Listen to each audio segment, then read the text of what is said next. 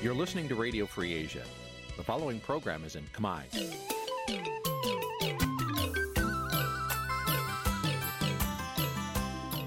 នេះជាកម្មវិធីផ្សាយ Vuthu Azizi Serai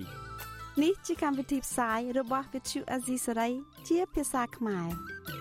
Vuthu Azizi Serai សូមស្វាគមន៍លោកអ្នកនាងទាំងអស់ពីរដ្ឋធានី Washington នៃសហរដ្ឋអាមេរិក។ ចាប់ពីរដ្ឋធានី Washington នាងខ្ញុំម៉ៅសុធានីសូមជម្រាបសួរលោកអ្នកស្ដាប់ទាំងអស់ជាទីមេត្រី ចាយើងខ្ញុំសូមជូនការផ្សាយសម្រាប់ព្រឹកថ្ងៃសៅរ៍900ខែបោះឆ្នាំថោះបัญចស័កពុទ្ធសករាជ2567ហើយទៅត្រូវនឹងថ្ងៃទី3ខែកុម្ភៈគ្រិស្តសករាជ2024ជាដំបូងនេះសូមអញ្ជើញលោកអ្នកនាងកញ្ញាស្ដាប់ព័ត៌មានប្រចាំថ្ងៃដែលមានមេត្តាដូចតទៅ thank you អាញាធរថៃចាប់ជនភៀសខ្លួនខ្មែរ3នាក់បញ្ជូនទៅឃុំខ្លួននៅការិយាល័យប៉ូលីសអន្តោប្រវេសន៍គណៈបកភ្លើងទៀនស្នើតុលាការដោះលែងមន្ត្រីបកភ្លើងទៀន2នាក់ដោយឥតលក្ខខណ្ឌអ្នកខ្លំមើលថារដ្ឋាភិបាល គួរបង្ហាញការសាងសង់គម្រោងផ្លូវទឹកប្រែកជីកពូណនជាសាធារណៈជនជាតិដើមភាគតិចគួយនៅខេត្តព្រះវិហារជិត100នាក់ធ្វើពិធីដាក់បណ្ដាសាដល់អ្នកដែលបានរំលោភយកដីពួកគាត់រួមនឹងព័ត៌មាន សំខាន់សំខាន់មួយចំនួនទៀតចាត់ជាបន្តទៅទៀតនេះនាងខ្ញុំម៉ៅសុធានីសូមជូនព័ត៌មានទាំងនោះពឺស្ដាប់ លោកនាងជាទីមេត្រីអាញាធរថៃចាប់ខ្លួនជនភៀសខ្លួនចំនួន3នាក់បញ្ជូនទៅឃុំខ្លួនបណ្ដាអាសន្ននៅការិយាល័យប៉ូលីសអន្តោប្រវេសន៍ថៃ កាលពីរសៀលថ្ងៃទី2ខែកុម្ភៈម្សិលមិញជនភៀសខ្លួននឹងជាសកម្មជនបពប្រឆាំងចាត់ទុកការចាប់ខ្លួននេះថាជាការអនុវត្តតាមការស្នើសុំរបស់រដ្ឋាភិបាលខ្មែរចាលោកហ៊ុំចម្រើននៃការព័ត៌មាននេះ ជនភៀសខ្លួនខ្មែរទាំង3នាក់ដែលអាជ្ញាធរថៃចាប់ខ្លួនជាសកម្មជនគណៈបកភ្លើងទៀនរួមមានលោកលឹមសុខាលោកគង់រាយា និងលោកផនផាណា អាជ្ញាធរថៃបានចោទប្រកាន់ពួកគេពីបទស្នាក់នៅប្រទេសថៃដោយខុសច្បាប់មន្ត្រីគណៈបកភ្លើងទៀនដែលកំពុងភៀសខ្លួននៅប្រទេសថៃលោកខឹមមនីកុសលប្រាប់វិទ្យុអាស៊ីសេរីនៅថ្ងៃទី2កុម្ភៈថាប៉ូលីសថៃបានចូលចាប់ខ្លួនលោកផនផាណានៅបន្ទប់ស្នាក់នៅក្នុងខេត្តរយងហើយបញ្ជូនទៅឃុំខ្លួននៅការិយាល័យប៉ូលីសអន្តោប្រវេសន៍ថៃនៅទីក្រុងបាងកកនៅយប់ថ្ងៃទី2កុម្ភៈចំណែកលោកគង់រាយានិងលោកលឹមសុខាត្រូវបានចាប់ខ្លួននៅក្នុងបន្ទប់ស្នាក់នៅក្នុងទីក្រុងបាងកកហើយមួយទៀតឥឡូវនេះពួកយើងស្ថានភាពជនភៀសខ្លួននៅបាងកកនេះតឹងតែងណាជាពិសេសនៅអាគារដែលខ្ញុំកំពុងស្នាក់នៅឬគឺប៉ូលីសយាមល្បាតនៅខាងក្រោមតែម្ដងយើងហ៊ានតែចុះទៅគឺចាប់ចុះទៅគឺចាប់តែម្ដងសូមឲ្យរដ្ឋាភិបាលថៃហ្នឹងមេត្តាគោរពសិទ្ធិជនភៀសខ្លួនហើយឈប់ធ្វើបាបពួកយើងហើយនឹងគេហៅថាឈប់យីយីនៃការរស់នៅរបស់ជនភៀសខ្លួនដែលយើងពួកយើងកំពុងតែជួបការលំបាកស្រាប់បាទ អតីតសកម្មជនគណៈបកភ្លើងទៀនខេត្តកំពង់ចាមលោកគង់រយ៉ាថ្លែងថាប៉ូលីសថៃបានបញ្ជូនលោកនិងគ្រួសារទៅឃុំខ្លួននៅការិយាល័យប៉ូលីសអន្តោប្រវេសន៍នៅទីក្រុងបាងកកភ្លាមភ្លាមក្រោយពេលចាប់ខ្លួនលោកចាត់ទុកការចាប់ខ្លួននេះថាជាការសហការជាមួយរដ្ឋាភិបាលលោកហ៊ុនម៉ាណែតដោយសារលោករិះគន់ភាពអសកម្មរបស់រដ្ឋាភិបាលក្រុងភ្នំពេញជាបន្តបន្ទាប់ដោយសារតែការរស់នៅរបស់ខ្ញុំគឺมันមានបញ្ហាជាមួយនឹងអ្នកចិត្តខាងទេអញ្ចឹងហើយទើបធ្វើឲ្យគេ មានគំនុំគេខឹងទៅចង់ចាប់ខ្លួនខ្ញុំហើយមួយវិញទៀតនោះគឺអឺខ្ញុំមិនដឹងថាហេតុអីបានជាខាងប៉ូលីសគេដឹងទីកន្លែងខ្ញុំស្នាក់នៅទេ ប្រហែលជាអាចតាមដានតាមលេខទូរស័ព្ទឬក៏តាមដានតាមអឺបណ្ដាញសង្គមដែលខ្ញុំប្រើប្រាស់វិទ្យុអាស៊ីសេរីមិនអាចតាក់ទងប្រធានអង្គភិបអ្នកណែនាំពាក្យរដ្ឋាភិបាលលោកប៉ែនបូណាដើម្បីអត្ថាធិប្បាយជុំវិញបញ្ហានេះបានទេនៅថ្ងៃទី2កុម្ភៈជុំវិញរឿងនេះមន្ត្រីសម្របសម្រួលសមាគមការពារសិទ្ធិមនុស្សអាត6ខេត្តបាត់ដំបងលោកយិនមិញលីយល់ឃើញថាការចាប់ខ្លួននេះជារឿងមិនត្រឹមត្រូវឡើយពីព្រោះពួកគេជាជនភៀសខ្លួនដែលទទួលស្គាល់ដោយឧត្តមស្នងការអង្គការសហប្រជាជាតិទទួលបន្ទុកជនភៀសខ្លួន នៅទីក្រុងបាងកកខ្ញុំបានលើកចឹងយោងទៅលើគេនិយាយពីបច្ចាបានបើសិនជាយើងនិយាយពីបច្ចាបានរឿងហេតុផលនយោបាយគឺគេអត់ឲ្យមានបញ្ហាទេហេតុផលក្នុងការបញ្ចេញមតិក៏អត់មានបញ្ហាដែរហេតុផលនយោបាយគឺធ្វើម៉េចកុំឲ្យទៅប៉ះពាល់ដល់បរណភាពរូបរាងកាយរបស់គេយើងកុំប្រាស់ប្រាស់នៅហ ংস ាហ្នឹងមិនហេតុផលនយោបាយគាត់ថាការយល់ឃើញការបញ្ចេញមតិអានឹងអស់នេះហើយគឺជាហេតុផលនយោបាយបាទ ការចាប់ខ្លួននេះធ្វើឡើងស្របពេលគៀកថ្ងៃដែលលោកនាយករដ្ឋមន្ត្រីហ៊ុនម៉ាណែតគ្រងធ្វើទស្សនកិច្ចទៅប្រទេសថៃនៅថ្ងៃទី7កុម្ភៈខាងមុខថ្មីថ្មីនេះក្រុមជនភៀសខ្លួនខ្មែរនៅប្រទេសថៃបានប្រកាសត្រៀមធ្វើបាតកម្មប្រឆាំងវត្តមានរបស់លោកហ៊ុនម៉ាណែតជាបន្តបន្ទាប់សប្តាហ៍ថ្ងៃមានជនភៀសខ្លួនខ្មែរនៅប្រទេសថៃជាង100នាក់ដែលជាសកម្មជននយោបាយគណៈបកប្រឆាំងសកម្មជនការងារសង្គមនិងសកម្មជនដីធ្លីជាដើម ក្រោយស្ងប់ស្ងាត់មួយរយៈដែលពួកគេប្រឈមការចាប់បញ្ជូនទៅប្រទេសកម្ពុជា តែនៅរយៈពេលចុងក្រោយនេះសមត្ថកិច្ចថៃដែលរដ្ឋាភិបាលប្រទេសនេះមានទំនាក់ទំនងជិតស្និទ្ធជាមួយរដ្ឋាភិបាលក្រុងភ្នំពេញបានចាប់បញ្ជូនជនភៀសខ្លួនខ្មែរជាបន្តបន្ទាប់បញ្ជូនទៅកម្ពុជាវិញហើយក្រៅពីនេះក៏មានជនភៀសខ្លួនផ្សេងទៀតត្រូវជន់មិនស្គាល់មុខវាយធ្វើបាបនៅប្រទេសថៃផងដែរខ្ញុំបាទហុំចម្រើន វិទ្យុ អាស៊ីសេរីពីរដ្ឋធានី Washington លោកនាយកជាទីមេត្រីនៅឯខេត្តមណ្ឌលគិរីឯណោះវិញលោកនាយករដ្ឋមន្ត្រីហ៊ុនម៉ាណែតបានកាត់ដីគម្របព្រៃឈើទំហំ720,000ហិកតាដើម្បីប្រគល់ឲ្យប្រជាប្រដ្ឋនិងសហគមន៍ជនជាតិដើមភាគតិចជនជាតិដើមភាគតិចបារម្ភថាដីនោះមិនបានទៅដល់ពួកគាត់ប៉ុន្តែគ្រាន់តែប្រើឈ្មោះពួកគាត់បំរុងផ្ដល់ទៅឲ្យអ្នកមានឥទ្ធិពលទៅវិញចាកញ្ញាខណ្ឌលក្ខណារិកាព័ត៌មាននេះ ក្នុងអនុក្រឹត្យចុះថ្ងៃទី7វិច្ឆិកាឆ្នាំ2023លោកនាយករដ្ឋមន្ត្រីហ៊ុនម៉ាណែតដែលទៅបឡើងកាន់តំណែងនាយករដ្ឋមន្ត្រីកាលពីខែសីហាឆ្នាំ2023បានសម្រេចកាត់ជ្រៀតដីគម្របព្រៃឈើឆ្នាំ2002ទំហំ720,000ហិកតា នៅស្រុកកែវសីមា ស្រុកកោះញែកនិងស្រុកពេជ្ររាដាខេត្តមណ្ឌលគិរីសម្រាប់ផ្ដល់សិទ្ធិជាកម្មសិទ្ធិជូនប្រជាពលរដ្ឋនិងសហគមន៍ជនជាតិដើមភាគតិច អនុក្រឹត្យដដែលថា នៅស្រុកកែវសីមាដីដីទំហំសរុប9496ហិកតា ក្នុងនោះឃុំចុងផ្លាស់ដីដី196ហិកតា ហើយឃុំស្រែឈោកផ្ទៃដីទំហំ3332ហិកតា និងឃុំស្រែខ្ទុំទំហំ454ហិកតារួមទាំងឃុំស្រែព្រះ ទំហំ1512ហិកតា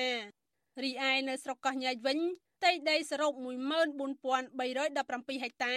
ក្នុងនោះឃុំអក4លើ2ហិកតា ហើយឃុំរយទំហំ14312ហិកតា និងឃុំស្រែហុយ3ហិកតាខណៈស្រុកពេជ្រដាឃុំពូជ្រៃទំហំ 9A 64សង់ទីអា វត្តជូអាស៊ីសេរីមិនអាចសុំការអធិប្បាយពីអភិបាលខេត្តមណ្ឌលគិរីលោកថងសាវុននិងអ្នកនាំពាក្យសាលាខេត្តមណ្ឌលគិរីលោកនាងវណ្ណៈរួមទាំងប្រធានអង្គភិបអ្នកនាំពាក្យរដ្ឋាភិបាលលោកប៉ែនបូណាបានទេ នៅថ្ងៃទី2ខែកុម្ភៈដោយទូរស័ព្ទចូលគ្មានអ្នកទទួលតំណាងសហគមន៍ជនជាតិដើមភាគតិចភ្នងនៅឃុំអក4លើ លោកញ៉ាហ្វើងប្រាប់វិសុអាស៊ីសេរីនៅថ្ងៃទី2កុម្ភៈថា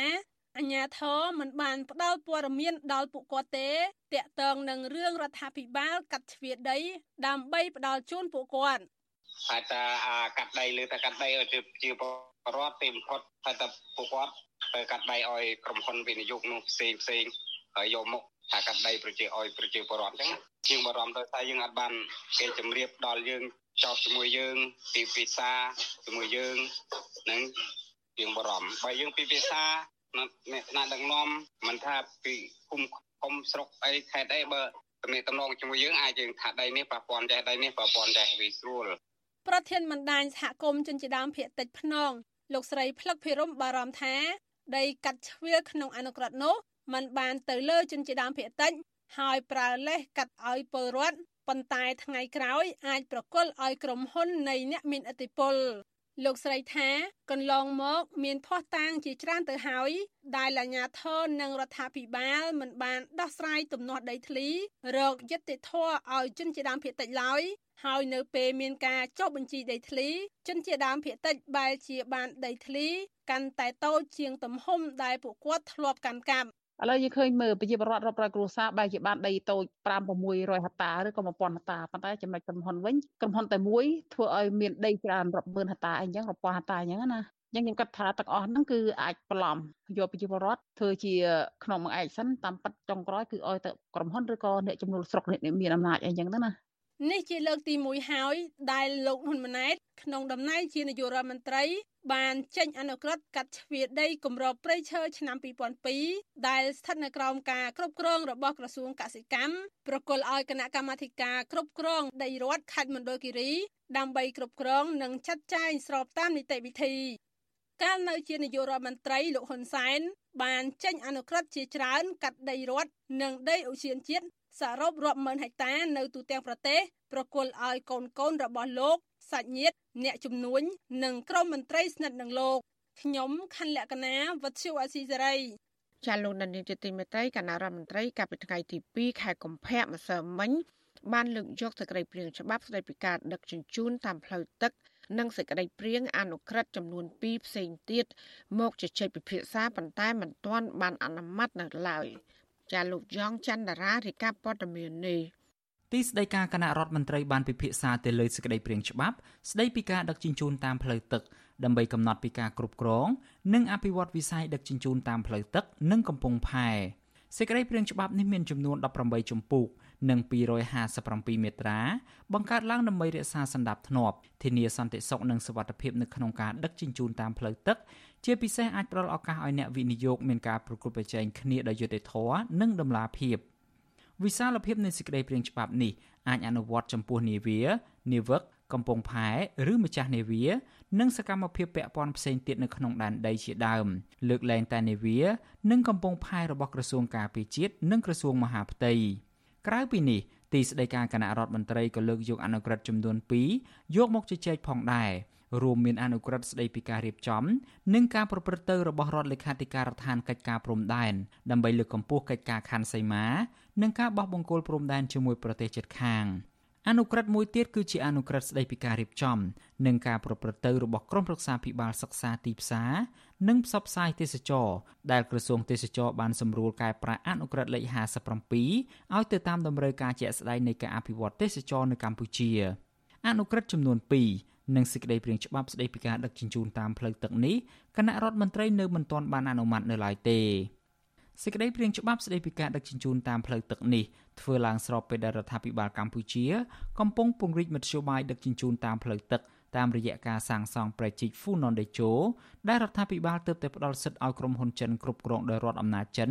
ឈ្មោះ China Road and Bridge Corporation ជាអ្នកសាងសង់អ្នកជំនាញផ្នែកវិទ្យាសាស្ត្រនយោបាយនិងកិច្ចការអន្តរជាតិ លោកអែមសវណ្ណារាប្រាប់វិទ្យុអាស៊ីសេរីនៅថ្ងៃទី2កុម្ភៈថាការធ្វើសេចក្តីព្រាងច្បាប់ស្តីពីការដឹកជញ្ជូនតាមផ្លូវទឹកអាចជារឿងល្អសម្រាប់បញ្ជាការសង្ស័យពីមតិប្រជាពលរដ្ឋពាក់ព័ន្ធទៅនឹងការសាងសង់គ្មានដំណាភាពក៏ប៉ុន្តែលោកសង្កេតឃើញថាគ្រប់គម្រោងសាងសង់របស់ក្រុមហ៊ុនចិនតែងតែធ្វើឲ្យប្រជាពលរដ្ឋរងគ្រោះដោយសារតែការផ្ដាល់សំណងមិនសមរម្យ ប្រជាពលរដ្ឋដែលប៉ះពាល់គួរតែទទួលបានផលប៉ះពៅវាសមរម្យដែលគាត់អាចឬទីតាំងគាត់អាចរស់នៅកន្លែងថ្មីដែលសមរម្យសមស្របបានអាហ្នឹងជាយន្តការទូទៅនៃការអភិវឌ្ឍប្រទេសណាយើងមានច្បាប់អសាមីកោអីជាដើមយើងធ្វើបានហើយក៏ប៉ុន្តែពលរដ្ឋដែលជាម្ចាស់ទឹកម្ចាស់ដីគាត់ប្រកាសហ្នឹងតើគាត់បានផលតបស្នងហ្នឹងក្របខ័ណ្ឌណាកុំឲ្យយកគោលនយោបាយទៅសងតម្លៃឧទាហរណ៍តម្លៃដីតម្លៃផ្ទះគាត់1ម៉ែត្រការ៉េ100ដុល្លារហើយចាប់សងតែ5ដុល្លារហើយនឹងវាមិនសមស្របទេវិទ្យុអាស៊ីសេរីមិនអាចតាក់ទងប្រធានអង្គភិបអ្នកណែនាំពាក្យរដ្ឋាភិបាល លោកប៉ែនបូណា ដើម្បីសាកសួរអំពីរឿងនេះបាននៅឡើយទេ កាលពីថ្ងៃទី2ខែកុម្ភៈជុំវិញបញ្ហានេះអ្នកសិក្សាកិច្ចការនយោបាយលោកប៉ៅមករាយល់ថាប្រសិនបើការចេញសេចក្តីព្រាងច្បាប់ថ្មីដើម្បីការពារផលប្រយោជន៍ឲ្យពលរដ្ឋខ្មែរដូច្នេះរដ្ឋាភិបាលគួរតែបង្ហាញពីគម្រោងសាងសង់ផ្លូវទឹកប្រជិកហ្វូណននេះជាសាធារណៈ រោងទាំងអស់ហ្នឹងកាលណាបើសិនជាมันមានការដាក់បង្ហាញជាសាធារណៈសម្រាប់ប្រជាជនទូទៅទេចាផលប៉ះពាល់នោះវាកាន់តែមានការប៉ះពាល់ធំដុំទៅទៀតកម្ពុជាគួរតែបង្ហាញគម្រោងប្រេជីកហ្វូណនហ្នឹងឲ្យទៅដល់សាធារណជនហ្នឹងឲ្យកាន់តែស៊ីជម្រៅហើយនឹងលំអិតបន្ថែមពីផលប៉ះពាល់ទីមួយទៀតកម្ពុជាគួរតែបង្ហាញអំពីច្បាប់នៅកម្ពុជាហ្នឹងវិញហ្នឹងមិនអនុញ្ញាតឲ្យមានមូលដ្ឋានកងទ័ពប្រទេសណាមួយស្ថិតនៅក្នុងប្រទេសកម្ពុជាឡើយ គម្រោងប្រជាហ្វូណនដេជោគឺជាគម្រោងដើម្បីពង្រីកវិសាលភាពនៃការប្រើប្រាស់សក្តានុពលលើការដឹកជញ្ជូនតាមផ្លូវទឹកគម្រោងប្រជាមួយនេះមានប្រវែង180គីឡូម៉ែត្រដែលតភ្ជាប់ពីព្រែកតាកែវនៃទន្លេមេគង្គទៅកាន់កំពង់ផែនៃខេត្តកែបហើយក្រុងរៀបចំថវិកាជិត2000លានដុល្លារដែលជាផ្នែកមួយនៃគំនិតផ្ដួចផ្ដើមខ្សែក្រវ៉ាត់និងផ្លូវរបស់រដ្ឋាភិបាលចិនការសាងសង់ប្រជិកហ្វូណនដេជោមានជម្រៅទឹកប្រមាណជាង5ម៉ែត្រនិងឆ្លងកាត់ខេត្តចំនួន4 រួមមានខេត្តកណ្ដាលតាកែវកំពត និងខេត្តកែបដែលមានប្រជាពលរដ្ឋរស់នៅជុំវិញប្រជិកនេះប្រមាណ1លាន6សែននាក់ខ្ញុំយ៉ងច័ន្ទដារាវិទ្យុអាស៊ីសេរី Washington អាស៊ីសេរី ចាលោកនានីជាទីមេត្រីពាក់ព័ន្ធនឹងការចាប់ខ្លួនមន្ត្រីបកភ្លើងទៀនពីរនាក់វិញគណៈបកភ្លើងទៀនក៏បានស្នើដល់តុលាការឲ្យដោះលែងមន្ត្រីហើយនិងសកម្មជនបកភ្លើងទៀនទាំងពីរនាក់នោះឲ្យមានត្រីភាពឡើងវិញដោយឥតលក្ខខណ្ឌមន្ត្រីសង្គមស៊ីវិលថាការចាប់ខ្លួនមន្ត្រីបកភ្លើងទៀននេះដោយមិនមានភ័ស្តុតាងជាក់លាក់និងប៉ះពាល់ដល់ដំណើរការបោះឆ្នោតប្រតិភិនាពេលខាងមុខចាសសូមស្ដាប់សេចក្តីរាយការណ៍របស់លោកសេកបណ្ឌិតជំវិញព័ត៌មាននេះ គណៈបកភ្លើងទៀនចាត់ទុកការចាប់ខ្លួនមន្ត្រីគណៈបកភ្លើងទៀនពីររូបចុងក្រោយរួមមានលេខាធិការគណៈកម្មាធិការប្រតិបត្តិគណៈបកភ្លើងទៀនខណ្ឌជ្រោយចង្វាលោកហកុសល និងអនុប្រធានគណៈកម្មាធិការប្រតិបត្តិគណៈបកភ្លើងទៀនខណ្ឌដូនពេញលោកម៉ាចិន្តាពីបទក្លែងបន្លំ និងប្រើប្រាស់លិខិតក្លែងនោះធ្វើឡើងក្រោមហេតុផលនយោបាយ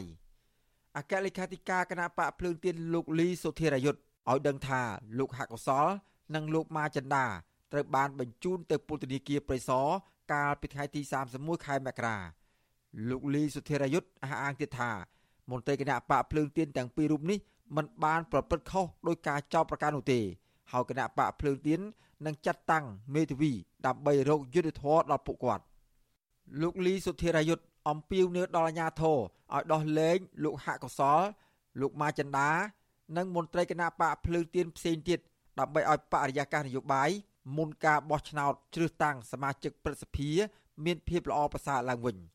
អាជ្ញាធរពាក់ព័ន្ធចាប់ខ្លួនលោកហកុសល នៅតាមដងផ្លូវជាតិលេខ6ក្នុងខណ្ឌជ្រោយចង្វារាជធានីភ្នំពេញខណៈដែលរូបលោកកំពុងបើកម៉ូតូដឹកប្រពន្ធចំណែកលោកម៉ាចិន្តា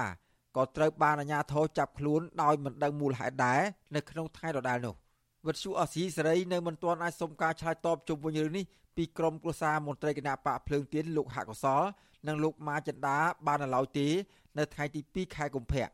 វិទ្យុអស៊ីសេរីក៏មិនទាន់អាចសុំការឆ្លើយតបអំពីរឿងនេះពីអ្នកនាំពាក្យអាយកាអមសាលាដំបងរាជធានីភ្នំពេញលោកប្លង់សុផលបានទេ នៅថ្ងៃដដែលនេះបើតាមដីកាបង្គាប់ឲ្យនាំខ្លួន ដែលចេញដោយចៅក្រមស៊ើបសួរសាលាដំបងរាជធានីភ្នំពេញលោកខីសុកវួច កាលពីថ្ងៃទី31ខែមករាកន្លងទៅបង្ហាញថាលោកហកសល និងលោកម៉ាចិន្តាត្រូវបានចោទប្រកាន់ពីបទក្លែងបន្លំ និងបទប្រើប្រាស់លិខិតក្លែងតាមមាត្រា626មាត្រា627និងមាត្រា628នៃក្រមព្រហ្មទណ្ឌដែលបានប្រព្រឹត្តកាលពីខែវិច្ឆិកាឆ្នាំ2023ដីកាបង្គាប់ដដែលនោះអះអាងទៀតថាលោកហកុសល និងលោកម៉ាចិន្តា បានប្រព្រឹត្តបទល្មើសជាមួយលោកខឹមច័ន្ទវណ្ណៈលោកខឹមច័ន្ទវណ្ណៈគឺជាប្រធានស្ដីទីគណៈបកភ្លើងទៀនរាជធានីភ្នំពេញដែលត្រូវបានសមត្ថកិច្ចក្រុងភ្នំពេញសម្រុកចូលផ្ទះនិងឃាត់ខ្លួនទាំងកំរោលនៅផ្ទះរបស់លោកកាលពីរសៀលថ្ងៃទី15ខែមករាប្រធានសមាគមការពារសិទ្ធិមនុស្សអាត6លោកនីសុខា លើកឡើងថាការចាប់ខ្លួនមន្ត្រីគណៈបកភ្លើងទៀនពាក់ព័ន្ធនឹងការបន្លំឯកសារជាបន្តបន្ទាប់មកនេះនៅមានមន្ទិលសង្ស័យជាច្រើន ដោយសារការចាប់ខ្លួននេះធ្វើឡើងនៅគៀកថ្ងៃនៃការបោះឆ្នោតប្រសិទ្ធិលោកលីសុខាក៏សម្គាល់ឃើញទៀតថាថ្មីថ្មីនេះក៏មានការគម្រាមកំហែងជាច្រើនករណីមកលើមន្ត្រីគណៈបកភ្លើងទៀននៅតាមបណ្ដារាជធានីខេត្តផងដែរក្នុងរយៈកាលនេះឃើញមានការ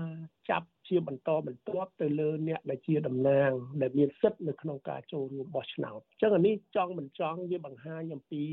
ការធ្វើឲ្យប៉ះពាល់ទៅដល់ស្មារតីទៅដល់អ្នកបោះឆ្នោតដែលតួអង្គបោះឆ្នោតដែលគាត់មានសិទ្ធិនៅក្នុងការចូលរួមបោះឆ្នោតព្រឹទ្ធសភានេះអញ្ចឹងវាធ្វើឲ្យបរិយាកាសនយោបាយមុនការបោះឆ្នោតព្រឹទ្ធសភាដែលយើងហៅជាការប្រកួតប្រជែងទោះបីថាជាអសកលក៏ដោយវាអាចធ្វើឲ្យចាស់អតិពលមិនល្អទៅដល់ដំណើរការនៃការបោះឆ្នោត គិតមកដល់ពេលនេះថ្នាក់ដឹកនាំនិងសកម្មជនគណៈបកភ្លើងទៀនប្រមាណ12នាក់ត្រូវបានតុលាការចោទប្រកាន់ចាប់ដាក់ពន្ធនាគារដោយដូចគ្នាពីបទក្លែងបន្លំឯកសាររៀបចំបញ្ជីបេក្ខជនឈរឈ្មោះបោះឆ្នោតក្រុមប្រឹក្សាឃុំសង្កាត់កាលពីឆ្នាំ2022ប៉ុន្តែអ្នកខ្លះត្រូវបានតុលាការដោះលែងមកវិញបន្ទាប់ពីពួកគេបង្ខំចិត្តប្រកាសចុះចូលជាមួយនឹងគណៈបកកណ្ដាលអំណាចដើម្បីជាធ្នូទទួលបានសេរីភាពមកវិញ។ អង្គការឃ្លាំមើលសិទ្ធិមនុស្សអន្តរជាតិ Human Rights Watch បានចេញរបាយការណ៍ពិភពលោកប្រចាំឆ្នាំ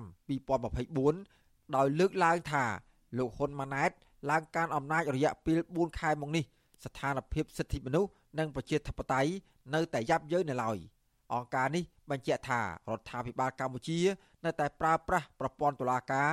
យាយីលើអ្នករិះគន់រារាំងគណៈបកភ្លើងទៀនមិនឲ្យចូលរួមការបោះឆ្នោតរដ្ឋបិទប្រព័ន្ធផ្សព្វផ្សាយឯករាជ្យ និងប្រើអំពើហិង្សាចាប់ចងអ្នករិះគន់ឥតស្រាកសានជាដើមខ្ញុំបាទសេកបណ្ឌិតវិទ្យុអាស៊ីសេរីពីរដ្ឋធានីវ៉ាស៊ីនតោនចាលោកដានីតិទីមេត្រីតកតងនឹងរឿងនយោបាយនេះដែរយុវជនគណៈបព្វប្រឆាំងចង់ឃើញកម្ពុជាដើរតាមកន្លងប្រជាធិបតេយ្យនិងការគោរពសិទ្ធិមនុស្សព្រមទាំងបើកលំហសិទ្ធិភាពបញ្ចេញមតិដូចជានៅប្រទេសជប៉ុននោះដែរ ការលើកឡើងនេះធ្វើឡើងបន្ទាប់ពីតំណាងយុវជនគណៈបកមួយចំនួន ទៅទស្សនកិច្ចស្វែងយល់អំពីរបៀបដឹកនាំប្រទេសតាមបែបប្រជាធិបតេយ្យរយៈពេលមួយសប្តាហ៍នៅប្រទេសជប៉ុនចាលោកច័ន្ទរោរិកាព័ត៌មាននេះយុវជនកម្ពុជា10នាក់មកពីគណៈបកប្រជាជនកម្ពុជាគណៈបកភ្លើងទៀនគណៈបកហ៊ុនស៊ីមប៉ាច់គណៈបកប្រជាធិបតេយ្យមូលដ្ឋាន រួមជាមួយគណៈបកនយោបាយផ្សេងទៀតបានចូលរួមកម្មវិធីស្វែងយល់អំពីការដឹកនាំតាមបែបប្រជាធិបតេយ្យនៅប្រទេសជប៉ុន ចាប់ពីថ្ងៃទី30ដល់ថ្ងៃទី7ខែកុម្ភៈកម្មវិធីផ្លាស់ប្ដូរយុវជនពាក់ព័ន្ធនយោបាយលើកទី6នេះរៀបចំឡើងដោយក្រសួងការបរទេសជប៉ុនតាមរយៈកម្មវិធីផ្លាស់ប្ដូរនិស្សិតនិងយុវជនជប៉ុនអាស៊ីបូព៌ាហៅកាត់តាជេនេស៊ីនិងផ្ដល់ឱកាសឲ្យយុវជនទាំងនោះចូលរួមទស្សនកិច្ចនៅរដ្ឋសភា ការផ្លាស់ប្ដូរយោបល់ជាមួយតំណាងរាជជប៉ុននិងអង្កេតមើលដំណើរការបោះឆ្នោតសភានៅទីក្រុងម៉ែបាស៊ីនិងសិក្សាស្វែងយល់អំពីសកម្មភាពលើកស្ទួយទីក្រុងនេះជាដើមប្រធានចលនាយុវជនថ្នាក់ជាតិរបស់គណៈបកភ្លើងទៀនលោកថនចន្ទថាប្រវត្តិជអសីសេរីនៅថ្ងៃទី2ខែកុម្ភៈថាដំណើរទស្សនកិច្ចនេះបានផ្ដល់ចំណេះដឹងសំខាន់សម្រាប់យុវជនស្វែងយល់អំពីដំណើរការប្រជាធិបតេយ្យការគោរពសិទ្ធិមនុស្សការអភិវឌ្ឍ ប្រពៃណីជាពិសេសការបែងចែកអំណាចទាំង3ដាច់ដោយឡែកពីគ្នា គឺអំណាចនីតិបញ្ញត្តិអំណាចនីតិប្រតិបត្តិនិងអំណាចតុលាការលោកមើលឃើញថាជប៉ុនឲ្យតម្លៃលើសិទ្ធិសេរីភាពបញ្ចេញមតិដោយអ្នកនយោបាយប្រទេសនេះពុំមានអ្នកជាប់គុកច្រវាក់ដោយសារទស្សនៈផ្ទុយនោះទេលោកឲ្យដឹងថា នៅពេលជជែកសួរដេញដោលរវាងយុវជនកម្ពុជាជាមួយក្រុមតំណាងរាជជប៉ុនមកពីគណៈបកចម្រុះនោះលោកបានលើកឡើងពីករណីរដ្ឋបិទលើសិទ្ធិសេរីភាពនៅកម្ពុជាដូចជាការបំបិទសិទ្ធិផ្នែកនយោបាយនិងករណីចាប់ខ្លួនលោកថាច់ស៊ីថាជាដើម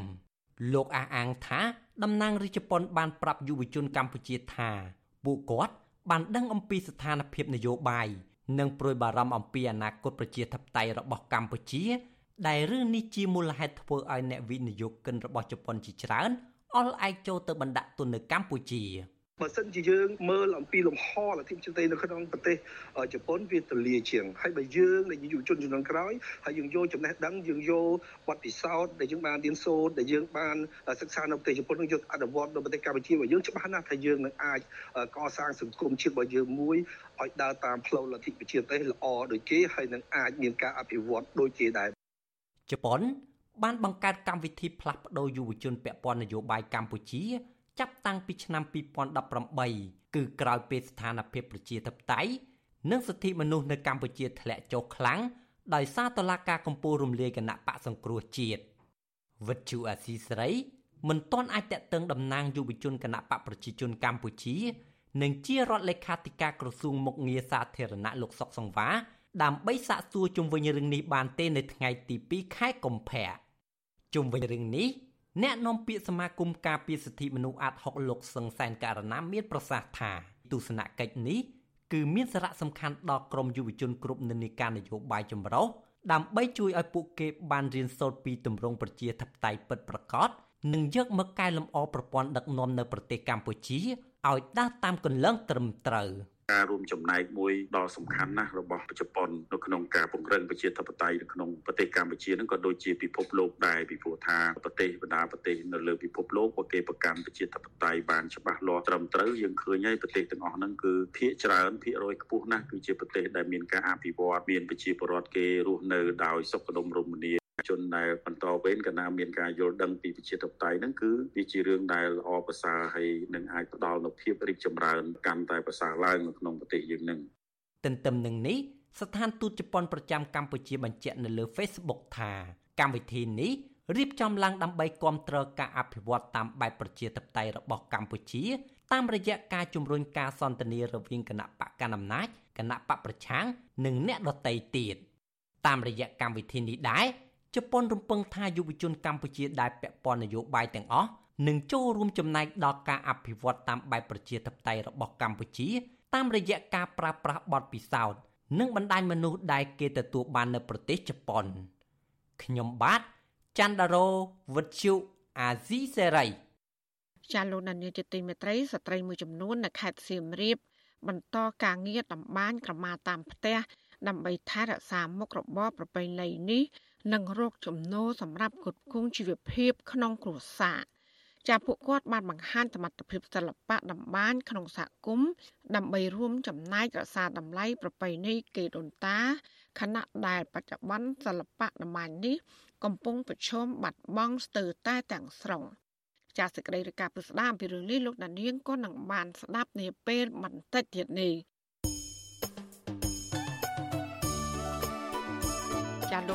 ញ្ញាជាទីមេត្រីដំណើរគ្នានឹងស្ដាប់ការផ្សាយរបស់វិទ្យុអសីស្រី តាមបណ្ដាញសង្គម Facebook YouTube និង Telegram លោកដានៀងក៏អាចស្ដាប់ការផ្សាយរបស់យើងតាមរយៈរលក ធាតុអាកាសខ្លីឬ Shortwave តាមកម្រិតនិងកម្ពស់ដូចតទៅចាប់ពីព្រឹកចាប់ពីម៉ោង5កន្លះដល់ម៉ោង6កន្លះតាមរយៈប៉ុស SW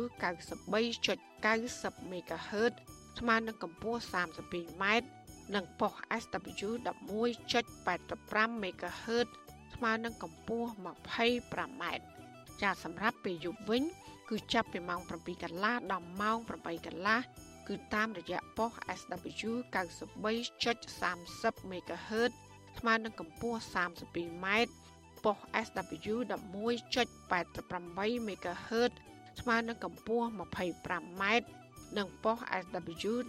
15.15 MHz ស្មើនឹងកម្ពស់ 20m ចាសសូមអរគុណ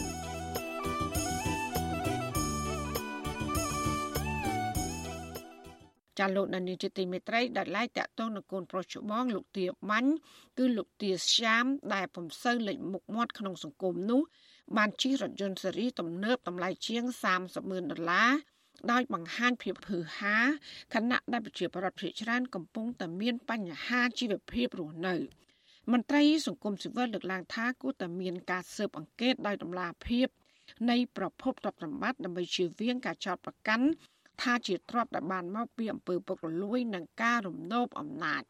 ចាកញ្ញាខណ្ឌលក្ខណាមានសក្តីវិការដាច់ដライមួយទៀតជំវិញព័ត៌មាននេះ កូនប្រុសច្បងរបស់អតីតរដ្ឋមន្ត្រីក្រសួងការពារជាតិលោកទាបាញ់គឺលោកទាស្យាម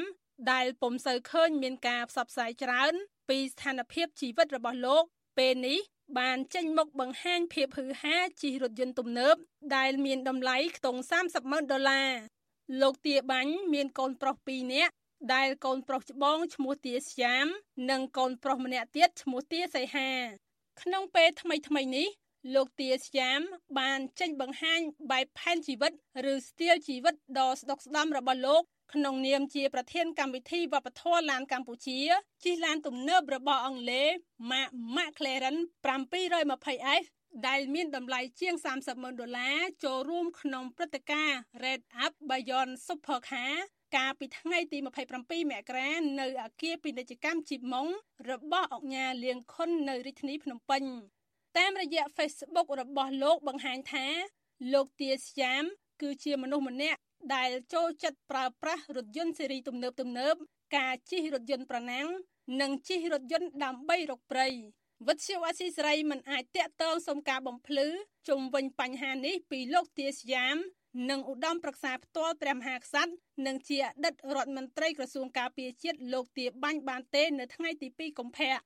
សកម្មជនបរិស្ថានលោកលីចន្ទរាវុធប្រាប់វិសុអាស៊ីសេរីនៅថ្ងៃទី2កុម្ភៈថា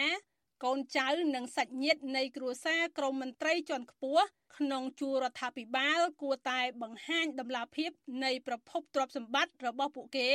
ដើម្បីជៀសវាងការចោទប្រកាន់ថាជាទ្រព្យសម្បត្តិដែលបានពីអំពើពុករលួយ និងការរំលោភអំណាចសម្រាប់ខ្ញុំខ្ញុំសង្កេតឃើញថាទ្រព្យសម្បត្តិកន្លងមកជាច្រើនដែលអ្នកមានអំណាចមានហ្នឹងជាពិសេសគ្រួសារ រដ្ឋមន្ត្រីគ្រួសារនាយករដ្ឋមន្ត្រីមានហ្នឹងគឺបានមកពីការរស់ស៊ីលើទុនធានធម្មជាតិញើសឈាមប្រជាពលរដ្ឋខ្មែរឬក៏ដីធ្លីដែលប្រជាពលរដ្ឋបាត់បង់កន្លងមកការបើកឲ្យឲ្យក្រុមហ៊ុនរស់ស៊ីខុសច្បាប់ឬក៏រស់ស៊ីប្រៃឈើរស់ស៊ីកេងប្រវ័ញ្ចទៅលើធនធានធម្មជាតិអីជាដើមប្រធានមជ្ឈមណ្ឌលប្រជាពលរដ្ឋដើម្បីអភិវឌ្ឍនិងសន្តិភាពលោកយងកំឯងប្រាប់វិសុអាស៊ីសេរីនៅថ្ងៃទី2កុម្ភៈថា ការបង្ហាញភាពហឺហាពុំមានអ្វីខុសទេ បើមានចំណូលពីមុខរបរត្រឹមត្រូវយ៉ាងណាលោកថា ជាទូទៅបើមានការពិនិត្យឃើញភាពមិនប្រក្រតីនៃចំណូលនិងមានការបដិងផ្ដាល់អង្គភាពប្រឆាំងអំពើពុករលួយអាចធ្វើការស៊ើបអង្កេតអង្គភាពវិឆាំងអំពើពុករលួយក៏មិនគ្រាន់តែឃើញថាឲ្យតែឃើញអ្នកណាមានក៏ចេះតែទៅស៊ើបអង្កេតប៉ុន្តែមើលពីដំណើរដើមតងដែរបើថាដំណើរដើមតងនោះវាមើលទៅថាគាត់ចម្រើនអ៊ិតហេត បានន័យថាអត់ឃើញរ៉ូស៊ីអីទេប៉ុន្តែឃើញមានបានទិញឡានទិញវិឡាទិញអីប៉ុន្តែមុខរបរដូចជាតូចតាចទេมันដល់មានលុយចំណូលអី60លានអីទៅចំណាយយ៉ាងទេអាហ្នឹងគេអាចនឹងធ្វើការស៊ើបអង្កេតលោកយងកំឯងលើកឡើងថាការស៊ើបអង្កេតមានសារៈសំខាន់ណាស់ក្នុងការជួយលើកកម្ពស់ភាពស្អាតស្អំនិងការប្រឆាំងការលាងលុយកខ្វក់ វត្ថុអាស៊ីស្រីមិនអាចសុំការអធិប្បាយពីអ្នកនាំពាក្យអង្គភាពប្រឆាំងអំពើពុករលួយលោកសុយច័ន្ទវិចិត្រនិងប្រធានអង្គភាពអ្នកនាំពាក្យរដ្ឋាភិបាលលោកប៉ែនបូណាបានទេនៅថ្ងៃទី2កុម្ភៈដោយទូរស័ព្ទចូលគ្មានអ្នកទទួលគ្រួសារលោកទាបាញ់ជាគ្រួសារដ៏មានឥទ្ធិពលផ្នែកយោធានិងមានទ្រព្យស្តុកស្តម្ភមួយក្នុងចំណោមក្រុមគ្រួសារមន្ត្រីជាន់ខ្ពស់នៅប្រទេសកម្ពុជា កាលពីខែមិនិនាឆ្នាំ2023កន្លងទៅសារព័ត៌មានអន្តរជាតិ Asia Time បានចេញផ្សាយអត្ថបទស្រាវជ្រាវមួយ ថាគ្រួសារលោកទាបាញ់កំពុងគម្រាមកំហែងនិងប្រជែងអំណាចជាមួយនឹងគ្រួសាររបស់លោកហ៊ុនសែន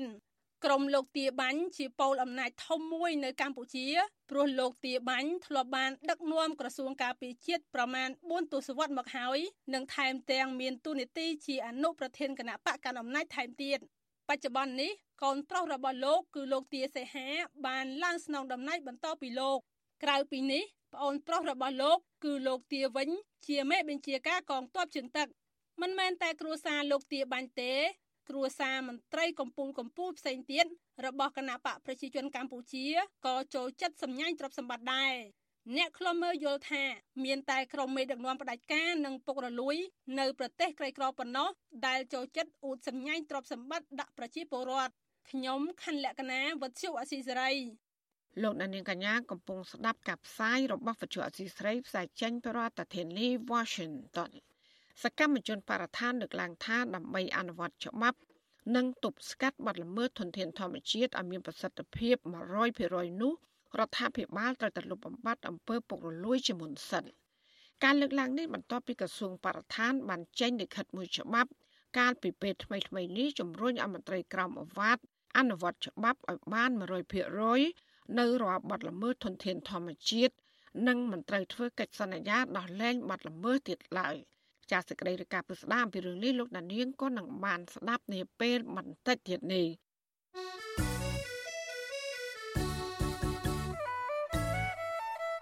ចាលោកដានៀងជាទីមេត្រីកម្មវិធី podcast កម្ពុជាសប្ដាហ៍នេះ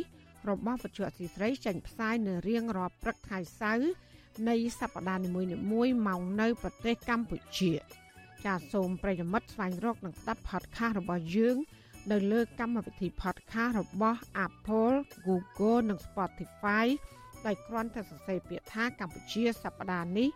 ឬ Cambodia this week នៅក្នុងប្រអប់ស្វែងរក តែយើងក៏នឹងចាប់ផ្សាយ podcast នេះឡើងវិញ នៅក្នុងការផ្សាយផ្ទាល់របស់យើងតាមបណ្ដាញសង្គម Facebook, YouTube និង Telegram នៅរៀងរាល់យប់ថ្ងៃច័ន្ទចាសសូមអរគុណ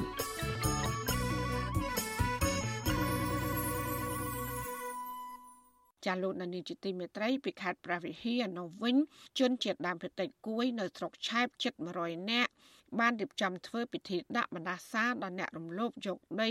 និងឈូសឆាយដំណាំពួកគាត់អស់ជាច្រើនហិកតាមន្ត្រីសង្គមស៊ីវិលថាការធ្វើពិធីគឺជាសិទ្ធិត្រីភាពរបស់ពួកគាត់ហើយថាអាញាធរគួរតែយកកង្វល់ទាំងនោះមកដោះស្រាយជូនប្រជាពលរដ្ឋឲ្យបានឆាប់ឆាប់ចានេះគឺជាសកម្មភាពរបស់លោកទីនហ្សាការីយ៉ាជំវិញព័ត៌មាននេះប្រជាសហគមន៍ជនជាតិដើមភាគតិចគួយមកពីភូមិប្រៅក្អកនិងភូមិបោះឃុំមលូព្រៃជិត100នាក់ បានធ្វើពិធីដាក់បណ្ដាសាដល់អ្នកមានលុយមានអំណាចដែលបានរំលោភយកដីធ្លីពួកគាត់ជាង10ឆ្នាំមកនេះពួកគាត់អះអាងថាពិធីនេះធ្វើឡើងដើម្បីផ្ញើសារនិងទាមទារឲ្យនាយករដ្ឋមន្ត្រីហ៊ុនម៉ាណែតពន្យាការដោះស្រាយវិវាទដីធ្លីនេះឲ្យបានឆាប់ការធ្វើពិធីដាក់បណ្ដាសារបស់ជនជាតិដើមភាគតិចគួយធ្វើឡើងនៅថ្ងៃទី1កុម្ភៈនៅលើដីដែលក្រុមហ៊ុនបានឈូសឆាយដំណាំរាប់ពាន់ហិកតារបស់ពួកគាត់ចោលកាលពីដើមខែមករាកន្លងទៅ នៅក្នុងពិធីនោះ មានសែនក្បាលជ្រូកនិងដុតទៀនធូបជាដើមតាមបែបប្រពៃណីរបស់ពួកគេតំណាងសហគមន៍ជនជាតិដើមភាគតិចគួយ នៅភូមិប្រាក្អកលោកសឿនថាប្រាប់វិទ្យុអស៊ីសេរីនៅថ្ងៃទី2កុម្ភៈថាការដែលពួកគាត់ធ្វើពិធីដាក់បណ្ដាសានេះដោយសារតែបរិវត្តរំភាពអយុធធរជាបន្តបន្ទាប់ពីសំណាក់ក្រុមហ៊ុនចិនជាក់ស្ដែងលោកអះអាងថាកាលពីដើមខែមករានេះដំណាំដំឡូងរបស់ពួកគាត់ជាច្រើនហិកតា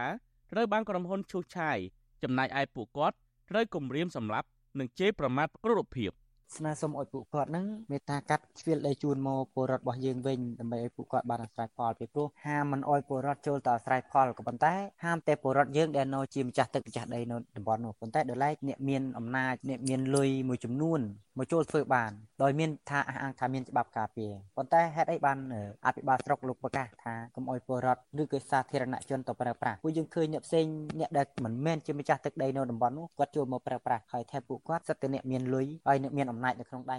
អភិបាលរងខេត្តព្រះវិហារលោកណប់វុធីប្រាប់វិទ្យុអាស៊ីសេរីនៅថ្ងៃទី2កុម្ភៈនេះថាការធ្វើពិធីដាក់បណ្ដាសាឬទៀមទារំដោះស្រាយ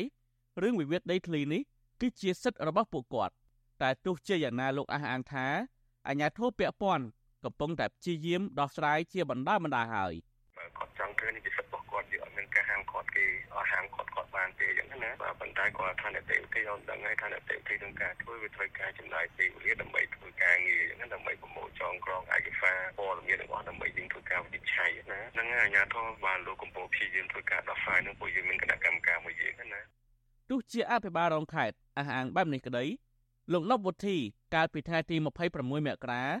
បានលើកឡើងនៅក្នុងសន្និសីទសារព័ត៌មានដោយព្រមានថាឲ្យបរដ្ឋទាំងអស់បញ្ឈប់ការបង្កបង្កើនផលលើដីនោះទៀតបើពុំចង់មានទោសទណ្ឌតាមច្បាប់ទេនោះលោកអះអាងថាដីបរិអាស្រ័យផលនោះគឺជាដីរបស់រដ្ឋដែលរដ្ឋាភិបាលបានវិនិយោគឲ្យទៅក្រុមហ៊ុនតកតងនឹងបញ្ហានេះអ្នកសម្របសម្រួលគម្រោងធុរកិច្ចនិងសិទ្ធិមនុស្សរបស់មជ្ឈមណ្ឌលសិទ្ធិមនុស្សកម្ពុជាលោកវ៉ាន់សុផាត សង្កេតឃើញថា វិវាទដីធ្លីរបស់បរដ្ឋសញ្ជាតិដើមភាគតិចគួយនៅខេត្តព្រះវិហារនេះបានអស់បន្លាយពេលជាង10ឆ្នាំមកហើយលោកថាករណីនេះអាញាធិបពាក់ព័ន្ធពុំមានឆន្ទៈដោះស្រាយពិតប្រាកដនោះទេជាក់ស្ដែងអាញាធិបតែចាត់ទុកពលរដ្ឋថាជាជនល្មើស រហូតមកដល់បច្ចុប្បន្នហ្នឹងទាំងអាជ្ញាធរទាំងក្រុមហ៊ុនហើយទាំងប្រព័ន្ធយុតិធធផងដែរគឺនៅតែប្រើប្រាស់ប្រព័ន្ធយុតិធធប្រព័ន្ធតឡាការហ្នឹងដើម្បីដាក់សម្ពាធទៅលើប្រជាពលរដ្ឋចោទគាត់នៅពេលណាដែលគាត់អស់ដីដែលមានការតវ៉ាអញ្ចឹងទៅក៏ចោទគាត់វិបត្តិព្រមត្តនវិបត្តិប្រើហិង្សាអាជ្ញាធរឬក៏ស្ថាប័នពាក់ព័ន្ធនេះពិសេសរដ្ឋនឹងតែម្ដងត្រូវពិនិត្យមើលទៅលើបញ្ហានេះឲ្យបានច្បាស់លាស់ហើយបើសិនជាមានយកដីពួកគាត់អីអាហ្នឹងត្រូវអនុវត្តទៅតាមនីតិវិធីច្បាប់ ជនជាតិដើមភាគតិចគួយ មានទំនាស់ដីធ្លីដ៏រ៉ាំរ៉ៃជាង10ឆ្នាំជាមួយក្រុមហ៊ុនស្ករអំពើចិនឈ្មោះហេងហ្វូមកទល់ពេលនេះនៅមានប្រជាពលរដ្ឋជាង700គ្រួសារនៅក្នុងស្រុកឆែបស្រុកត្បែងមានជ័យនិងស្រុកសែនជ័យកំពុងរងផលប៉ះពាល់ដោយមានជីវភាពដុនដាបកាន់តែខ្លាំងក្រោយពីរដ្ឋាភិបាលបានផ្ដល់សិទ្ធិវិនិយោគឲ្យក្រុមហ៊ុនចិន កាលពីឆ្នាំ2011លើផ្ទៃដីសរុបជាង40000ហិកតាជនជាតិដើមភាគតិចលើកឡើងថា ចាប់តាំងពីមានវិវាទជាមួយក្រុមហ៊ុនចិនមក ការបង្កបង្កើនផល នៅលើដីរបស់ពួកគាត់ទាំងប្រថុយប្រឋានពីព្រោះប្រឈមនឹងការគំរាមកំហែងពីសំណាក់ក្រុមហ៊ុន ចំណាយអរដូវប្រាំងដំណាំដំឡូងមីរាប់ពាន់ហិកតាប្រឈមនឹងការដុតចោលទោះបីជាបែបនេះក្តីពួកគាត់ថានៅតែប្រកាន់ចំហទៀមទាហើយនឹងដាក់ញត្តិទៅរដ្ឋាភិបាលឲ្យជួយអន្តរាគមន៍តាក់ទងនឹងរឿងចំនួនដីធ្លីនេះក្នុងពេលឆាប់ៗនេះខ្ញុំបាទទីនសាការីយ៉ាស៊ីសេរីប្រធានីវ៉ាស៊ីនតោន លោកអ្នកស្ដាប់ជាទីមេត្រីមន្ត្រីអង្គការសង្គមស៊ីវិលនិងប្រជាប្រដ្ឋលើកឡើងថាស្ថាប័នផ្ដល់ប្រាក់កម្ចីមួយចំនួន នៅតែបន្តឲ្យគោលបំណុលបញ្ចាំអត្តសញ្ញាណប័ណ្ណជាធ្នូទៅនឹងការផ្ដល់ប្រាក់កម្ចីអ្នកនាំពាក្យសមាគមមីក្រូហិរញ្ញវត្ថុលើកឡើងថាប្រជាប្រដ្ឋមិនគួរខ្ចីប្រាក់ពីស្ថាប័នផ្ដល់ប្រាក់កម្ចីក្រៅផ្លូវការដែលតម្រូវឲ្យពួកគាត់ដាក់បញ្ចាំអត្តសញ្ញាណប័ណ្ណនោះឡើយ។ ចាលោកលេងម៉ាលីមានសេចក្តីរាយការណ៍អំពីរឿងនេះពីរដ្ឋធានី Washington មន្ត្រីសង្គមស៊ីវិលនិងប្រជាពលរដ្ឋលើកឡើងដូចដូចគ្នាថាស្ថាប័នផ្ដល់ប្រាក់កម្ចីមួយចំនួន នៅតែបន្តតម្រូវឲ្យអ្នកខ្ចីប្រាក់ដាក់បញ្ចាំអត្តសញ្ញាណប័ណ្ណសិភៅគ្រួសារឬកាតគ្រីរថយន្តម៉ូតូដើម្បីទទួលបានប្រាក់កម្ចីនាយកទទួលបន្ទុកកិច្ចការទូតនៃអង្គការឃ្លាំមើលសិទ្ធិមនុស្សលីកាដូលោកអំសំអាត ប្រាប់វិទ្យុអស៊ីសេរីនៅថ្ងៃទី2កុម្ភៈថាប្រជាពលរដ្ឋមួយចំនួននៅតែដាក់បញ្ចាំអត្តសញ្ញាណប័ណ្ណឬសៀវភៅគ្រួសារដើម្បីទទួលបានប្រាក់កម្ចីពីស្ថាប័នផ្ដល់ប្រាក់កម្ចីក្រៅផ្លូវការអត្តសញ្ញាណប័ណ្ណលិខិតយថាពូតផ្សេងផ្សេងផ្សេងផ្សេងគឺសភៅគ្រួសារហើយផ្សេងផ្សេងទៀតដែលតកតទៅនឹងជីវភាពរស់នៅប្រចាំថ្ងៃរបស់ប្រជាពលរដ្ឋគឺមិនត្រូវឲ្យមានការដាក់ចាំទេអញ្ចឹងអាជ្ញាធរនិងរដ្ឋាភិបាលត្រូវតែចាត់វិធានការបើសិនជាមានក្រុមហ៊ុនបញ្ចាំឬក៏អ្នកឲ្យខ្ចីលុយហើយត្រូវតែតម្រូវឲ្យដាក់អត្តសញ្ញាណប័ណ្ណសភៅគ្រួសារជាដើមដូចគ្នាទៅនឹងការលើកឡើងនេះដែរសកម្មជនដីធ្លីសហគមន៍បឹងតមោកសំរោងខាងត្បូងលោកស្រីសឿនស្រីសុតប្រាប់វិទ្យុអស៊ីសេរីថាដោយសារតែមិនអាចរកប្រាក់ចំណូលគ្រប់គ្រាន់ដូច្នេះសមាជិកសហគមន៍មួយចំនួន បានបង្ខំចិត្តយកប្រាក់កម្ចីក្រៅផ្លូវការដែលមានអត្រាការប្រាក់ខ្ពស់ដើម្បីបង់សងបន្តទៅធនាគារលោកស្រីបន្តថាដោយសារតែមន្ត្រីអនុទានផ្ដល់ប្រាក់កម្ចីក្រៅផ្លូវការផ្ដល់លក្ខខណ្ឌងាយស្រួលដោយគ្រាន់តែដាក់បញ្ចាំអត្តសញ្ញាណប័ណ្ណឬសិភៅគ្រួសារដូច្នេះប្រជាពលរដ្ឋមួយចំនួនបានលងក្នុងបំណុលវ័នកដោយមិនដឹងខ្លួនលុយគេឲ្យខ្ចីនេះគេរាប់ជាថ្ងៃឬក៏អាទិត្យអញ្ចឹងគេ ឲ្យខ្ចីអញ្ចឹងតែគេគិតការថ្លៃព្រោះខ្ញុំឃើញបងប្អូនក្នុងសហគមន៍ឃើញគាត់មកយកលុយជាប្រចាំរាល់ថ្ងៃអញ្ចឹងមួយអាទិត្យគាត់ថាគាត់យកគេមួយលានអញ្ចឹងគាត់រាប់គេក្នុងមួយថ្ងៃ40000ទៅ50000អញ្ចឹងកាលពីខែកុម្ភៈឆ្នាំ2023ធនាគារជាតិនៃកម្ពុជាបានចេញលិខិតមួយព្រមានដាក់ទណ្ឌកម្មលើម្ចាស់គ្រឹះស្ថានអនុទានជនបទទាំងអស់ដែលនៅតែបន្តទទួលយកលិខិតយថាភូតដូចជាអត្តសញ្ញាណប័ណ្ណ សិភៅគ្រួសារឬសិភៅស្នាក់នៅ ពីកូនបំណុលដើម្បីជាថ្នូរសម្រាប់ជាវត្ថុធានាលើការផ្ដល់អនុទានជុំវិញរឿងនេះអ្នកនាំពាក្យសមាគមមីក្រូហិរញ្ញវត្ថុកម្ពុជា លោកកាំងតុងងីលើកឡើងថា ស្ថាប័នក្រៅផ្លូវការដែលផ្ដល់ប្រាក់កម្ចីតាមរយៈការបញ្ចាំអត្តសញ្ញាណប័ណ្ណមិនត្រឹមតែធ្វើឲ្យប៉ះពាល់ជីវភាពអ្នកខ្ចីប្រាក់ប៉ុណ្ណោះទេ គឺថែមទាំងធ្វើឲ្យប៉ះពាល់ដល់ការសងប្រាក់ ត្រឡប់ទៅឲ្យគ្រឹះស្ថានផ្ដល់ប្រាក់កម្ចីដែលបានចុះបញ្ជីត្រឹមត្រូវផងដែរលោកបន្តថាប្រជាពលរដ្ឋដែលមិនមានលទ្ធភាពសងប្រាក់គួរប្រឹក្សាយោបល់ជាមួយគ្រឹះស្ថានផ្ដល់ប្រាក់កម្ចីស្របច្បាប់ ដើម្បីកែសម្រួលការវិភាគបង់ប្រាក់ជាជាងប្រើប្រាស់ប្រាក់កម្ចីក្រៅផ្លូវការដែលភ្ជាប់ជាមួយអត្រាការប្រាក់ខ្ពស់មានតែការជជែកគ្នាដោយភាពស្មោះត្រង់ទៅវិញទៅមកមួយទិដ្ឋានទេអាហ្នឹងទើបជាដំណោះស្រាយដែលមានប្រសិទ្ធភាព ហើយហាមដាច់ខាតការដែលងាកទៅរកកម្ចីឯកជនកម្ចីអនឡាញកម្ចីពេលខ្លះយើងហៅភាសានិយាយកម្ចីចិនអស់ហ្នឹងពីព្រោះកម្ចីអស់ហ្នឹងវាមានអត្រាការប្រាក់ថ្លៃណាហើយអត់មានយន្តការក្នុងការការពារអតិថិជនច្បាស់លាស់ទេពេលមានរឿងកើតឡើងយើងមិនដឹងទៅរកដឹងគាត់នៅណារកគាត់នៅណាទេដែលខុសពីសេវារបស់គ្រឹះស្ថានផ្លូវការដែលមានអត្រាការប្រាក់ទាបមានយន្តការច្បាស់លាស់ក្នុងការការពារអតិថិជនវិទ្យុអស៊ីសេរីមិនអាចតាក់ទងអគ្គទេសាភិបាលធនាគារជាតិនៃកម្ពុជា អ្នកស្រីជាសេរីដើម្បីសុំការបកស្រាយបាននៅឡើយទេ នៅថ្ងៃទី2កុម្ភៈមន្ត្រីសង្គមស៊ីវិលលើកឡើងថាដោយសារប្រជាពលរដ្ឋភៀសច្រើនមិនមានចំណេះដឹងផ្នែកហិរញ្ញវត្ថុនិងលក្ខខណ្ឌទទួលប្រាក់កម្ចីច្បាស់លាស់ដូច្នេះរដ្ឋាភិបាលគួរមានវិធានការច្បាប់ទៅលើស្ថាប័នឬអ្នកផ្ដល់ប្រាក់កម្ចីឯកជន ដែលទទួលយកអត្តសញ្ញាណប័ណ្ណជាថ្នូរនឹងការផ្ដល់ប្រាក់កម្ចីឲ្យបានម៉ឺងម៉ាត់ជាជាងការមានតែសេចក្តីណែនាំ តែមិនមានការអនុវត្តច្បាប់ជាក់ស្ដែងខ្ញុំបាទលេងម៉ាលីវិទ្យុអាស៊ីសេរី Washington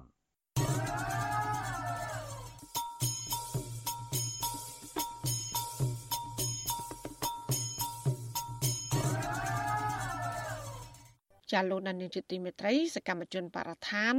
លើកឡើងថាដើម្បីអនុវត្តច្បាប់និងទប់ស្កាត់បទល្មើសធនធានធម្មជាតិឲ្យមានប្រសិទ្ធភាព100%នោះ រដ្ឋាភិបាលត្រូវតែលុបបំបាត់អំពើពុករលួយជាមុនសិនការលើកឡើងនេះបន្ទាប់ពីក្រសួងបរិស្ថាន បានចេញលិខិតមួយច្បាប់កាលពីពេលថ្មីថ្មីនេះជំរុញឲ្យមន្ត្រីក្រមអាវ៉ាតអនុវត្តច្បាប់ឲ្យបាន100%រាល់បទល្មើសធនធានធម្មជាតិហើយថាមន្ត្រីធ្វើកិច្ចសន្យាដោះលែងជនល្មើសនោះឡើយចាអ្នកត្រីសុជីវីរាយការណ៍ពុស្ដាជំវិញព័ត៌មាននេះដូចតទៅសកម្មជនបរិស្ថានគ្មានជំនឿថាអាជ្ញាធររដ្ឋាភិបាល អាចអនុវត្តច្បាប់និងការពារធនធានធម្មជាតិមានប្រសិទ្ធភាពនោះទេពួកគាត់អះអាងថាមន្ត្រីជំនាញតែងតែបណ្ដេតបណ្ដោយឲ្យមានបទល្មើសព្រៃឈើកើតមាននៅក្នុងតំបន់ការពារជាហូរហែនិងថែមទាំងជួយកាងការពារបទល្មើសព្រៃឈើថែមទៀតបណ្ដាញសហគមន៍ព្រៃឡង់ខេត្តព្រះវិហារដែលតែងតែចុះល្បាតរកឃើញបទល្មើសនៅក្នុងតំបន់ព្រៃឡង់លោកខេមសុខីប្រាប់វិទ្យុអាស៊ីសេរីនៅថ្ងៃទី1ខែកុម្ភៈថាក្រសួងសម័យគួរតែចាត់វិធានការឲ្យបានតឹងរឹង ទៅលើមន្ត្រីក្រមអវ៉ាត់របស់ខ្លួនដែលជាប់ពាក់ព័ន្ធនឹងអំពើពុករលួយពីព្រោះមន្ត្រីនៅតាមទីស្នាក់ការឈរជើងការពារតំបន់អភិរក្សទាំងអស់នោះតែងតែប្រព្រឹត្តអំពើពុករលួយបើកដៃឲ្យក្រុមជនល្មើសចូលកាប់ឈើនៅក្នុងតំបន់ព្រៃការពារដោយសេរី គ្មានការលើកលែងទេចំពោះបទល្មើសផ្សេងផ្សេងដែលកើតនៅក្នុងដែនអភិរក្សដូចជាបទល្មើសពីឈើអាពិសេសគឺត្រូវបង្ហាញឡាភាពឲ្យប្រជាជនឲ្យប្រជាជននឹងបានដឹងច្បាស់អានឹងទៅការអនុវត្តច្បាប់នឹងបានមានប្រសិទ្ធភាពបើសិននេះមានការលាក់លៀមពីផ្នែកមហាជន គឺការអនុវត្តច្បាប់ក៏អត់បាន100%ទេស្រដៀងគ្នានេះដែរអ្នកស្រាវជ្រាវនិងឃ្លាំមើលធនធានធម្មជាតិនៅកម្ពុជាលោកសេងសុកហេងឲ្យដឹងថាការជំរុញនេះ អាចមានប្រសិទ្ធភាពតែទៅលើបទល្មើសតូចៗតែប៉ុណ្ណោះចំណែកឯក្រុមឈ្មួញរកស៊ីឈើលក្ខណៈទ្រង់ទ្រាយធំ គឺมันមានប្រសិទ្ធភាពនោះទេលោកបន្ថែមថាកន្លងទៅ មានទាំងគោលនយោបាយនិងបទបញ្ជាពីរដ្ឋាភិបាលប៉ុន្តែការបង្ក្រាបនិងការអនុវត្តច្បាប់នៅតែធូររលុងក្រុមឈ្មួញមានលុយមានអំណាចកិច្ចរួចពីផ្លូវច្បាប់រហូត។ ការប្រព្រឹត្តបទល្មើសដោយអាងខ្សែខ្នងនោះយើងគិតថាមិនមិនទាន់បានជំរះចែងអំពីសង្គមខ្មែរឡើយទេវានៅតែមានបព្វធម៌ក្នុងការឡើងនៅពេលបច្ចុប្បន្ននេះអញ្ចឹងសជននេះគឺទំនងជាមានសិទ្ធិភាពចំពោះតែអ្នកដែលប្រព្រឹត្តបទល្មើសតូចតាចតែចំពោះអ្នកប្រព្រឹត្តបទល្មើសធំធំមិនមានប្រសិទ្ធភាពទេក្រសួងបរិស្ថានកាលពីថ្ងៃទី29ខែមករាកន្លងទៅបានចេញលិខិតទៅមន្ត្រីតាមមន្ទីរបរិស្ថានរាជធានីខេត្ត ដោយណែនាំរំលឹកជាថ្មីថាត្រូវយកចិត្តទុកដាក់ក្នុងការអនុវត្តវិធានការច្បាប់ឲ្យបាន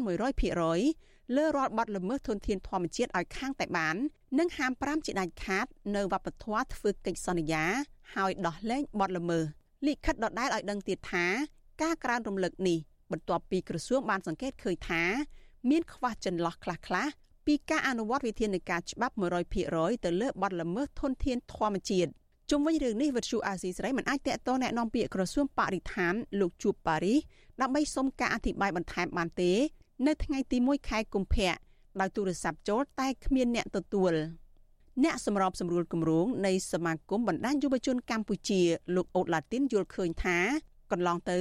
ក្រសួងធ្លាប់ចេញគោលការណ៍ជាហោហែមកហើយប៉ុន្តែប្រសិទ្ធភាពទប់ស្កាត់បទល្មើសព្រៃឈើនិងការអនុវត្តច្បាប់នៅតែធូររលុងដដែល ដោយសារតែមន្ត្រីថ្នាក់ក្រោមតែងតែខុបខិតគ្នាជាមួយនឹងជនល្មើស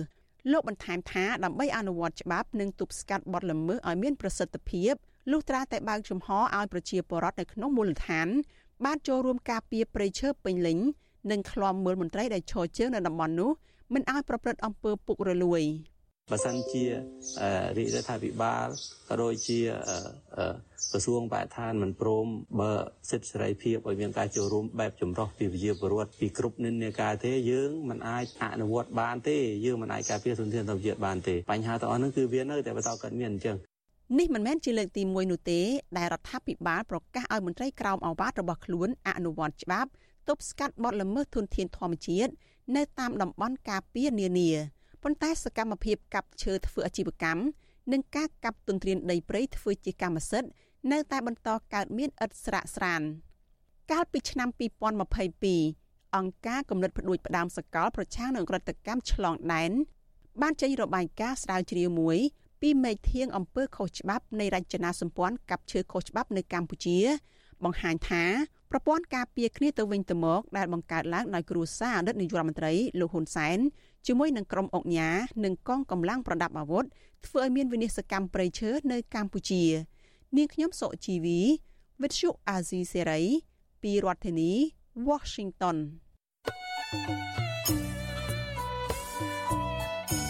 ចាលោកនាងជាទីមេត្រីវិទ្យុអាស៊ីសេរីសូមជូនដំណឹងថាយើងគ្មានអ្នកយកព័ត៌មានប្រចាំនៅប្រទេសកម្ពុជានោះឡើយ។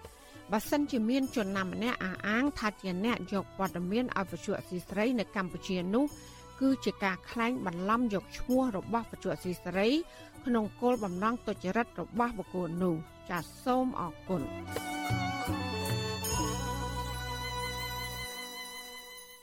ចាលោកនានីជាទីមេត្រីស្ត្រីមួយចំនួននៅខេត្តសៀមរាប បន្តការងារតម្បាញក្រមាតាមផ្ទះដើម្បីថែរក្សាមុខរបរប្រពៃណីនេះ និងរកចំណូលសម្រាប់ផ្គត់ផ្គង់ជីវភាព ក្នុងគ្រួសារចាពួកគាត់បានបង្ហាញសមត្ថភាពសិល្បៈតម្បាញក្នុងសហគមន៍ដើម្បីរួមចំណែករក្សាតម្លៃប្រពៃណីគេដូនតាខណៈដែលបច្ចុប្បន្នសិល្បៈតម្បាញនេះ កំពុងប្រឈមបាត់បង់ស្ទើរតែទាំងស្រុងចាប់ពីរដ្ឋធានី Washington លោកជាតិចំណាន មានសេចក្តីរាយការណ៍ពុស្ដាជំវិញព័ត៌មាននេះក្រោយពីរីករាលដាលជំងឺ Covid-19 កាលពីដើមឆ្នាំ2020 មុខរបរតម្បាញក្រមានៅតំបន់ជនបទក្នុងខេត្តសៀមរាបបានស្ងប់ស្ងាត់ស្ទើរតែទាំងស្រុងដោយសារតែស្ត្រីខ្លះបានបោះបង់មុខរបរនេះនិងខ្លះទៀតធ្វើចំណាក់ស្រុកដើម្បីរកប្រាក់ចំណូលផ្គត់ផ្គង់ជីវភាពនិងដោះបំណុលធនាគារ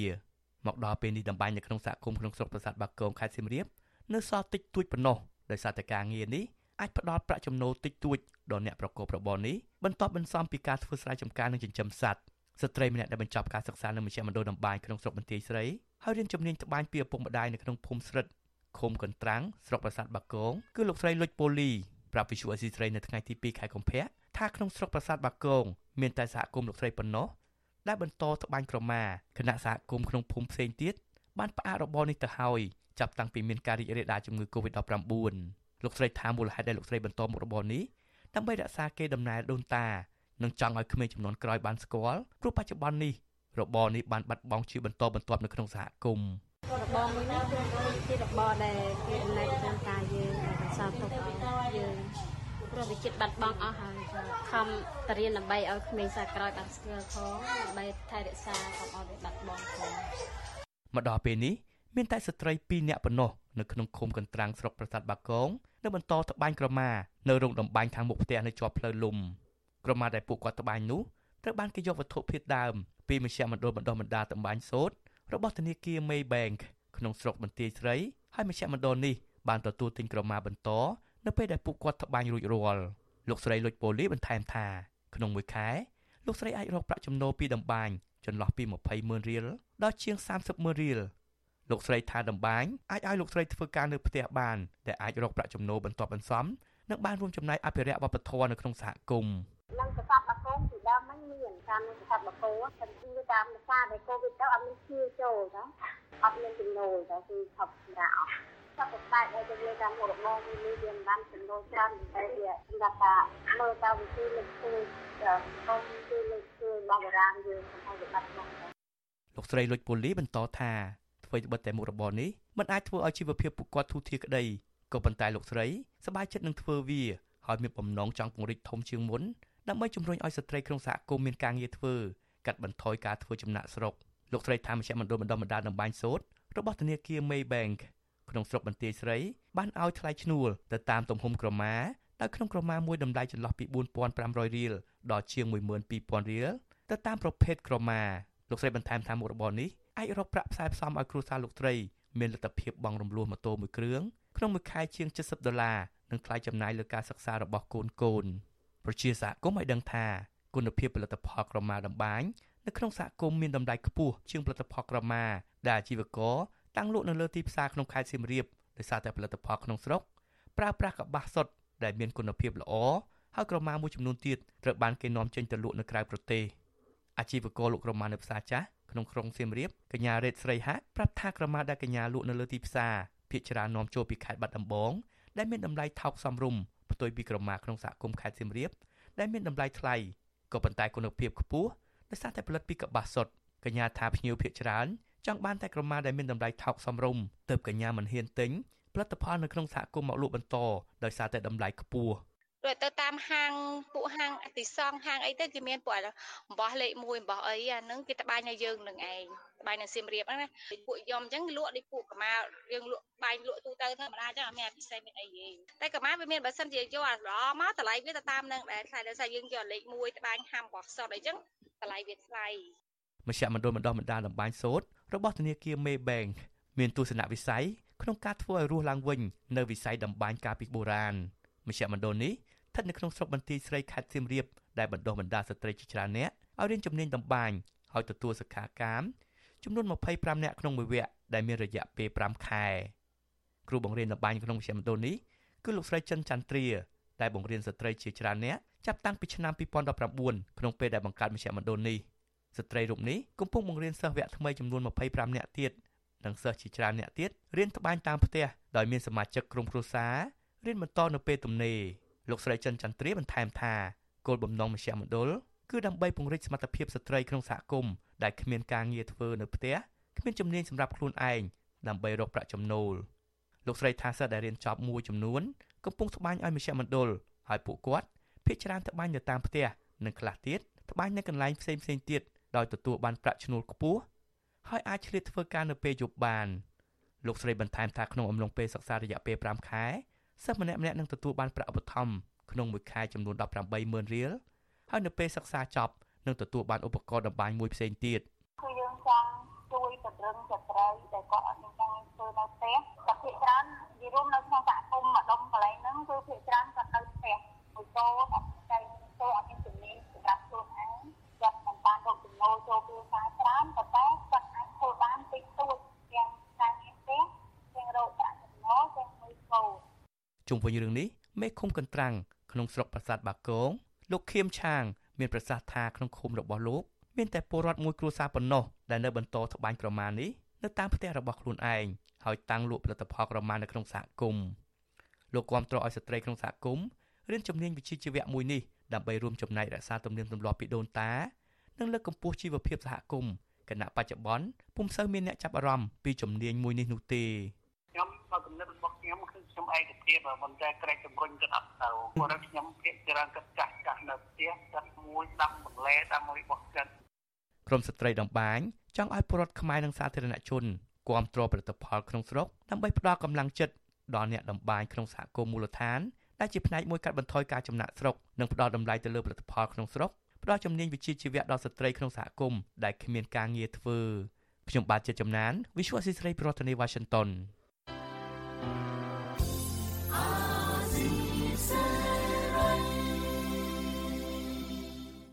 ចាលោកលានកញ្ញាអ្នកស្ដាប់ជាទីមេត្រីការផ្សាយរយៈពេល1ម៉ោងរបស់វិទ្យុអាស៊ីស្រីជាភាសាខ្មែរនៅពេលនេះចាប់តែប៉ុណ្ណេះចាយើងខ្ញុំទាំងអស់គ្នាសូមជូនពរលោកនាងនិងក្រុមគ្រួសារទាំងអស់សូមជួបប្រកបតែនឹងសេចក្តីសុខសេចក្តីចម្រើន ជានិរន្តរ៍ចានាងខ្ញុំម៉ៃសុធានីព្រមទាំងក្រុមការងារទាំងអស់របស់អាស៊ីស្រីសូមអរគុណនិងសូមជម្រាបលា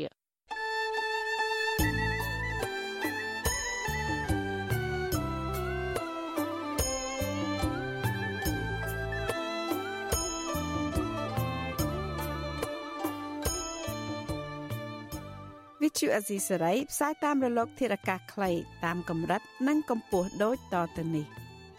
ពេលព្រឹកចាប់ពីម៉ោង5កន្លះដល់ម៉ោង6កន្លះតាមរយៈប៉ុស SW 93.90 MHz ស្មើនឹងកម្ពស់ 32m